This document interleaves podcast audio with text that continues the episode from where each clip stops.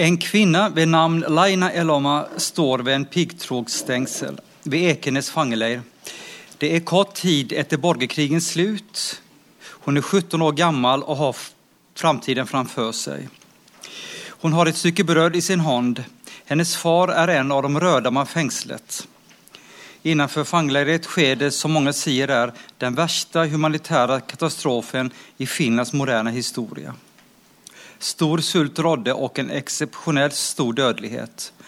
Av 10 000 interneter dör 3 000 i sult inom noen korta måneder. Hun kaster et stykke brød til sin far som hun håper skal få det. I det kaster den så ser en vokt henne og skjuter henne. Hun faller sammen, og hennes liv tar slut. Kvinnan var min bestefars tante. Hennes bror Janne Eloma fant man heller aldri etter krigen, trolig skutt av de vita og lagt i en massegrav. Den 6 december 1917 erklærte den finska riksdagen Finland for selvstendig etter Lenin sin ønske. Finlands kamp for selvstendighet var över. Det som kom att ske efter kom att bli något av det värsta en nation kan genomgå. En borgerkrig där nabor, vänner eller släktingar kunde stå på var sin sida av kampen. Finland 1918 av Morten Jentoft är rystende läsning. Om en konflikt och en krig som kanske få i Norden eller känner till eller läst någonting om. En konflikt som kommer att skapa sår och traumer i generationer framöver. Jerntoft hadde intervjuer 1987 med den da 87 år gamla Lars Røyne, som kom og delta på det røde sida. Vi får følge med två norske leger, Johannes Heimbeck og Harald Natvik, som når år tidigare virket som lege på Balkan. Han ledet en grupp på 19 norske helsearbeidere i två ambulanser eller teltsykehus som i februar 1918 drog til Finland. För att hjälpa alla parter i konflikten, som det hette, både det röda och det vita, men i virkeligheten en del av det vitas armé, ledet av Carl Gustav Mannerheim, der også sympatien lå. Boken er godt strukturert. Mye av det storpolitiske spillet blant stormakter som Ryssland, England og Tyskland kommer fram. Jerntoft tegner også en utførlig bilde av det førpolitiske spillet og grunnen til borgerkriget.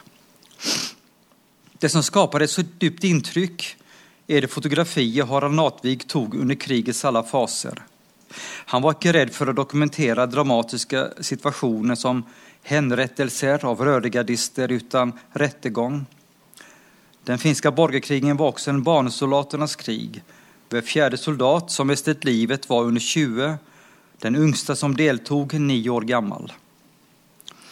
Närmare hundra rødegardister ble tatt i fånge ved Vilkile. Og det skal ha blitt skutt omtrent alle som menn. Bilder som er tatt like etterpå viser hauger med døde mellom husene på det lilla stedet. De døde ble liggende i mange timer, ja, noen også i dagar, for det ble gitt ordre om å begrave dem. Nesten alle ble til slut lagt i en massgrav ved kirken i Längelmäki.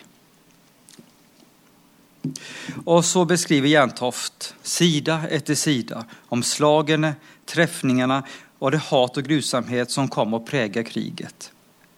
Ofte ble hat, sårade soldater tatt ut av sykehussängar, født bak huset og skutt. Det er så intenst beskrevet at man føler hatet sive ut gjennom boksidene. 37 000 drepte i kriget, 27 000 av dem røde og 12 000 som kom å dø i fangeleir etter krigen.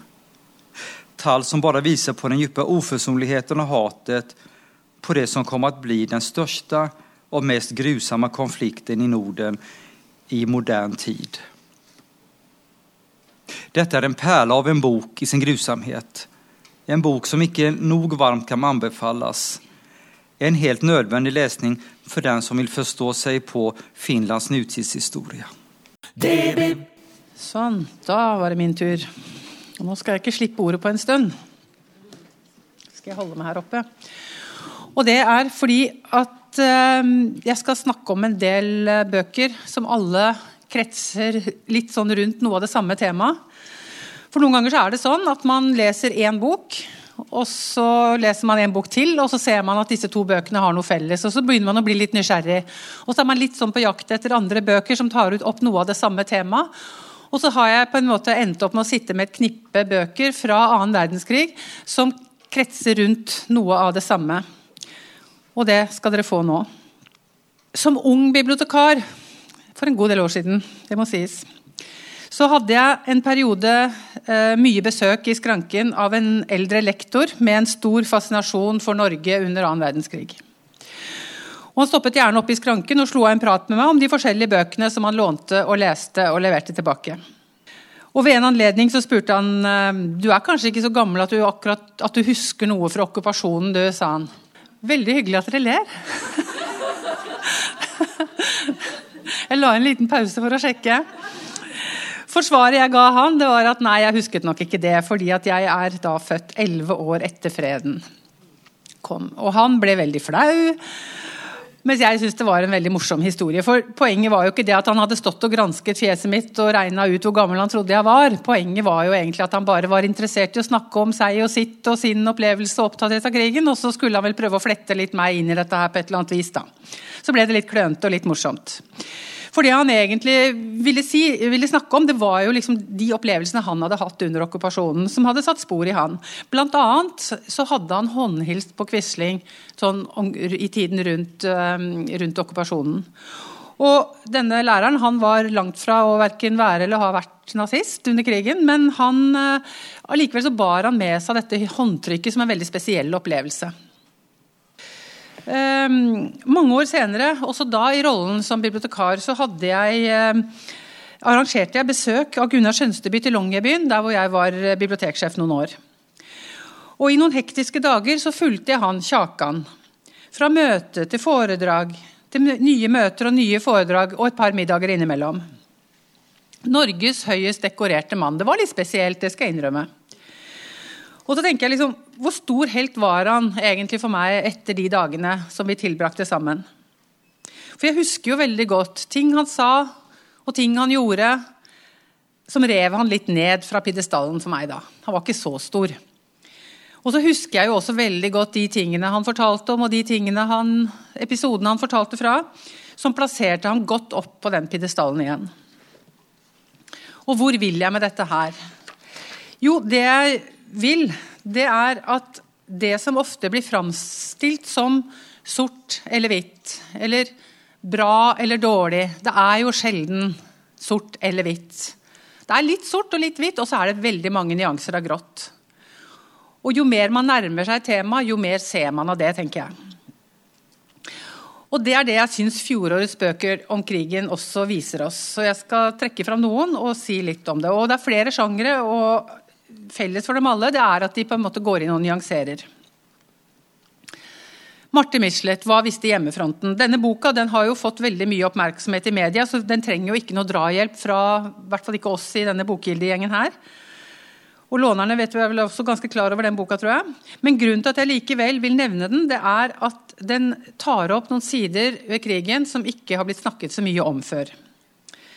For hvordan ble jødene behandlet i Norge under krigen, da forfølgelsen av dem og utsendelsen startet? Hvor mye visste hjemmefronten og motstandsfolkene om det som skulle skje? En del, viser Marte Michelet oss. Men hvorfor gjorde de da ikke noe med den informasjonen de faktisk satt på? Marte Michelet hun tør i denne boka å røre ved de store ikonene, altså heltene våre fra krigen. Hun nyanserer dem, og hun gjør dem menneskelige. Og ikke minst så setter hun det de gjorde og det de ikke gjorde, inn i en tidsriktig sammenheng. Men dette har det jo blitt mye debatt av, og hun har måttet tåle veldig mye kritikk. Og Jeg skal ikke ha noe mening om hva som er riktig og hva som er galt i det Marte Michelet sier. Men det jeg syns er viktig, det er at hun her reiser en debatt som helt sikkert noen kommer til å ta tak i og dra videre. Og til sammen så vil alt dette utgjøre en kanskje en liten endring i måten vi ser på historien på. Mens Marte Michelet sin bok er en bok som inviterer til debatt, som er skrevet av en journalist, ikke av en faghistoriker, så fikk vi på 2017 Kulturfond riktignok, et massivt historisk verk om holocaust i Norge. For vi må kunne kalle det holocaust også her i Norge, når 700 norske jøder ble deportert til konsentrasjonsleire, og bare et trettitall kom tilbake. Bjarte Bruland han er historiker, og han har også vært i disputt med Marte Bislett om hennes bok. Og med denne boka som dere ser her, så disputerte han for doktorgraden i historie. Og det er en kjempesvær, tjukk bok, og jeg skal ikke skryte av at jeg har lest hele, for det har jeg overhodet ikke gjort. Men det jeg gjorde, det var å bla meg fram til det kapittelet hvor Bjarte Bruland tar opp det samme temaet som Marte Michelet berører i sin bok, nemlig om jødene i Norge og hva skjedde rundt deporteringen av dem. Syns det var spennende å lese fra hans side. Og han, det han gjør, han avdekker, eller som han viser, det er jo liksom hvordan, hvordan var jødenes posisjon i Norge under annen verdenskrig. Og kanskje det kan forklare litt av hvordan det som skjedde, faktisk kunne skje. Så tiden for å nyansere og ryste litt i pidestallene, den er helt sikkert inne. Og blant fjorårets kulturfondbøker så finner vi enda flere sånne bøker. Blant annet denne. Og det var den jeg begynte med da jeg liksom begynte å nærme meg dette temaet. Rett og slett en krimbok, og grunnen til at jeg valgte den, det var fordi jeg syntes den hadde så kult omslag. For sånn er det jo. Vi velger jo etter omslag, vi, eh, vi som jobber med dette faglig også. Lasse Gallefoss, forfatter av denne boka, han er regissør og står bak flere dokumentarfilmer. Og I fjor så debuterte han som forfatter med denne kriminalromanen som heter 'Krigernes fred'. Og denne Tittelen, 'Krigernes fred', den sier litt om det boka handler om. Og Han stiller spørsmålet kjente de på freden alle de som hadde deltatt i krigshandlinger i Norge under annen verdenskrig. Og hvor fritt ble egentlig Norge i 1945? Ble det egentlig fritt for alle? Fordi at For noen så begynte nå en maktkamp nærmest på liv og død. Landsvikoppgjøret og jakten på kommunister kastet mørke skygger over fredsdagene i 1945 og tiden etter. Det var ikke alle som kunne puste lettet ut og nyte freden. Denne bokas handling den kretser rundt fire personer som jobbet for statspolitiet Stapo. Den norske parallellen til Gestapo. Stapo de etterforsket, torturerte og drepte nordmenn som motarbeidet tyskerne. Så krigernes fred den handler altså om nordmenn som sviktet. Og Gallefoss han sier selv at han syns at denne siden av vår krigshistorie er viktig å få fram, for å minne oss om at også nordmenn, vokst opp i et fredelig demokrati under gitte omstendigheter, er i stand til å begå systematiske grusomheter. Og I et sitat fra boka så reflekteres det over det samme temaet som Marte Michelet tar opp i sin bok. Bokas hovedperson eh, tenker eh, under disse glade maidagene i 45 hvor mange av de glade menneskene han ser rundt seg, satt stille i sine stuer da jødefamilien i naboleiligheten ble hentet. Så, så her berører han jo dette temaet med det norske folkets unnfallenhet. Men så var det også sånn at noen av de som lot seg verve av Stapo, de var i realiteten dobbeltagenter for motstandsbevegelsen. Og Dette det var innhyllet naturlig nok i den dypeste hemmelighet, men også veldig lenge etter krigen. Taushetsplikten for de som hadde hatt denne dobbeltrollen, den varte så lenge som til 1988. 1988, Tenk på det. For en belastning å leve med i så mange år etter krigen. Alle trodde du hadde deltatt på tysk side under krigen, og så hadde du egentlig satt livet på spill for det motsatte. 1988. Og Dette er et tema som får stor plass i denne krimdebuten til Gallefoss, fordi bokas hovedperson hadde nettopp denne dobbeltrollen. Så Dette er en krimbok som bidrar til historieforståelse, men som også byr på spenning og overraskelsesmomenter når, eh, når selve plottet skal eh, oppklares, akkurat sånn som en god krimbok skal. Og Da måtte jeg jo se litt på denne krimboka òg, når jeg først var i gang med Krim fra krigen. Og jeg må si at Roar Estads eh, eh, bøker om Gabriel Navarsete de har gått litt sånn under radaren for meg. Jeg har ikke lest de bøkene hans, men det har kommet tre stykker. Og Gabriel Navarsete han er også ansatt i Stapo, og han har også denne dobbeltrollen. At han både er ansatt i det tyskvennlige eh, Stapo og gjør oppdrag for motstandsbevegelsen. Roar Estad eh, er historielærer og har satt seg godt inn i det stoffet han skriver om. Og Han sier selv at han er opptatt av hvordan vår forståelse av krigen baserer seg på det vi vet i dag.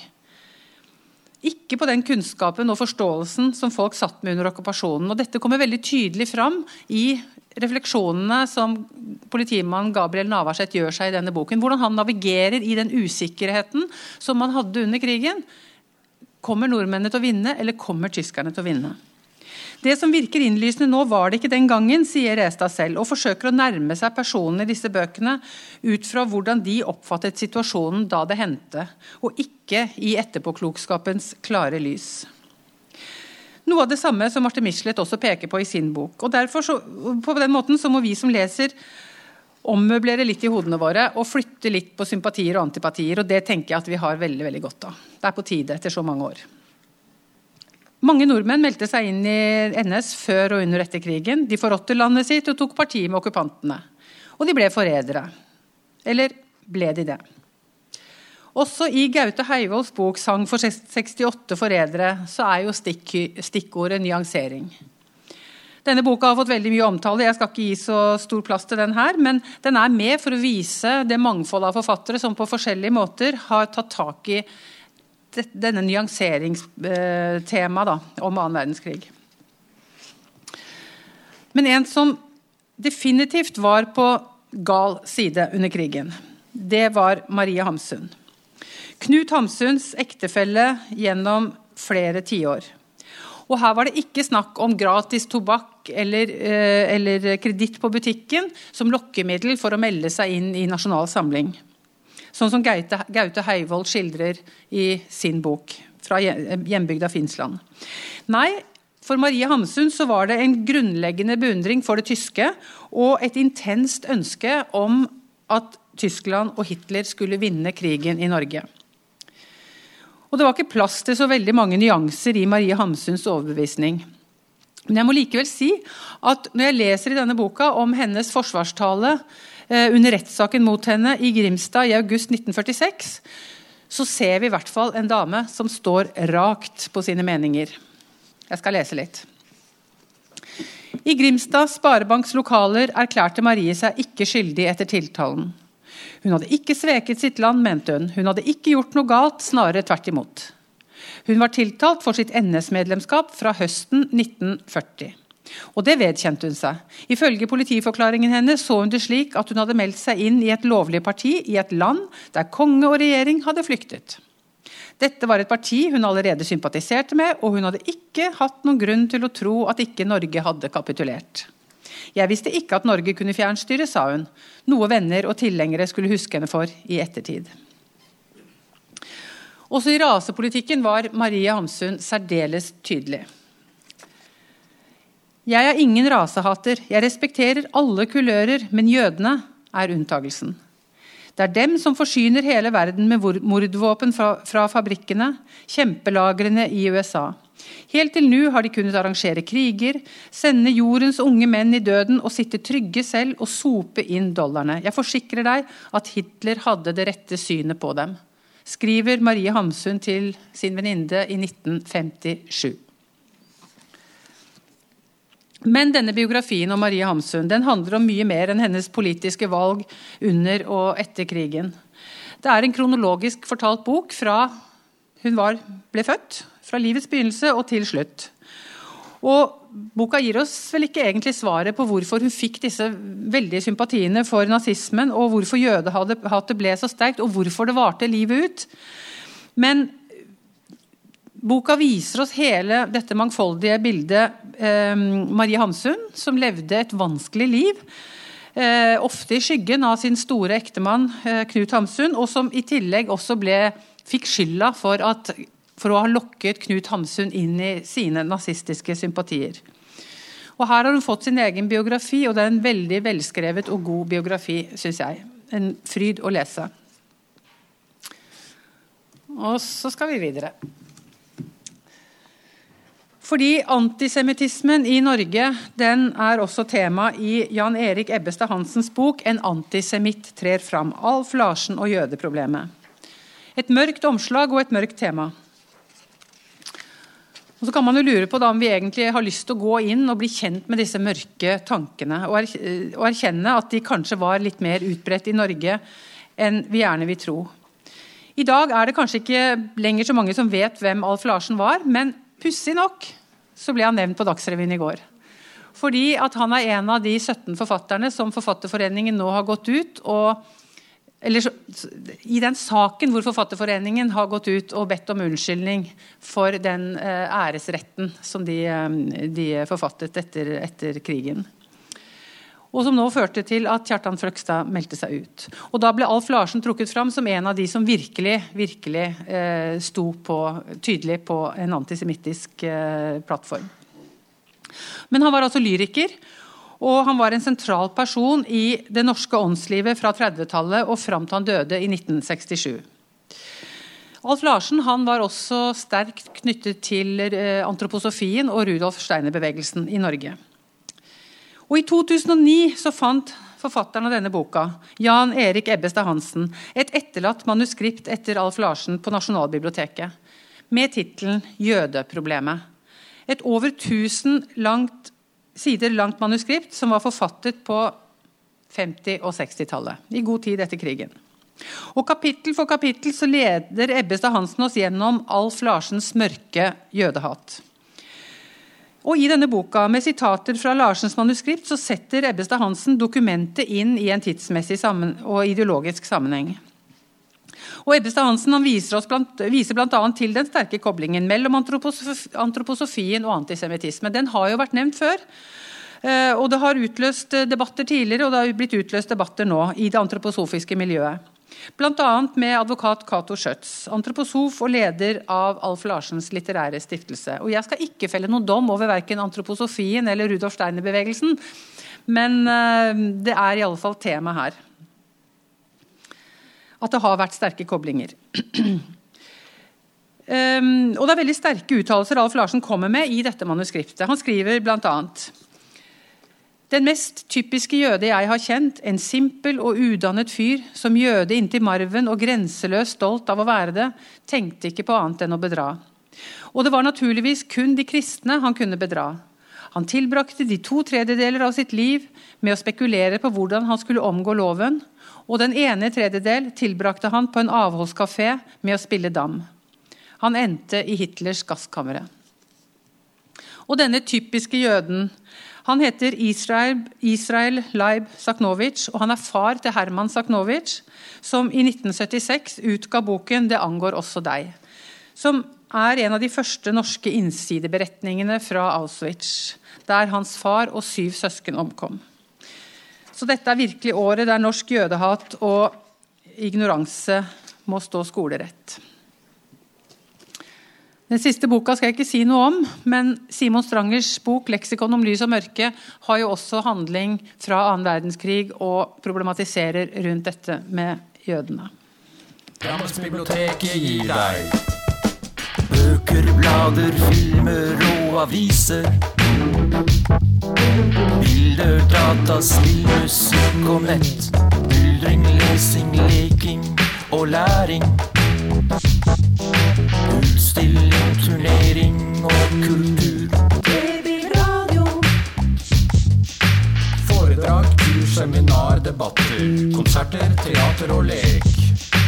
Drammensbiblioteket gir deg Baby. Babyradio.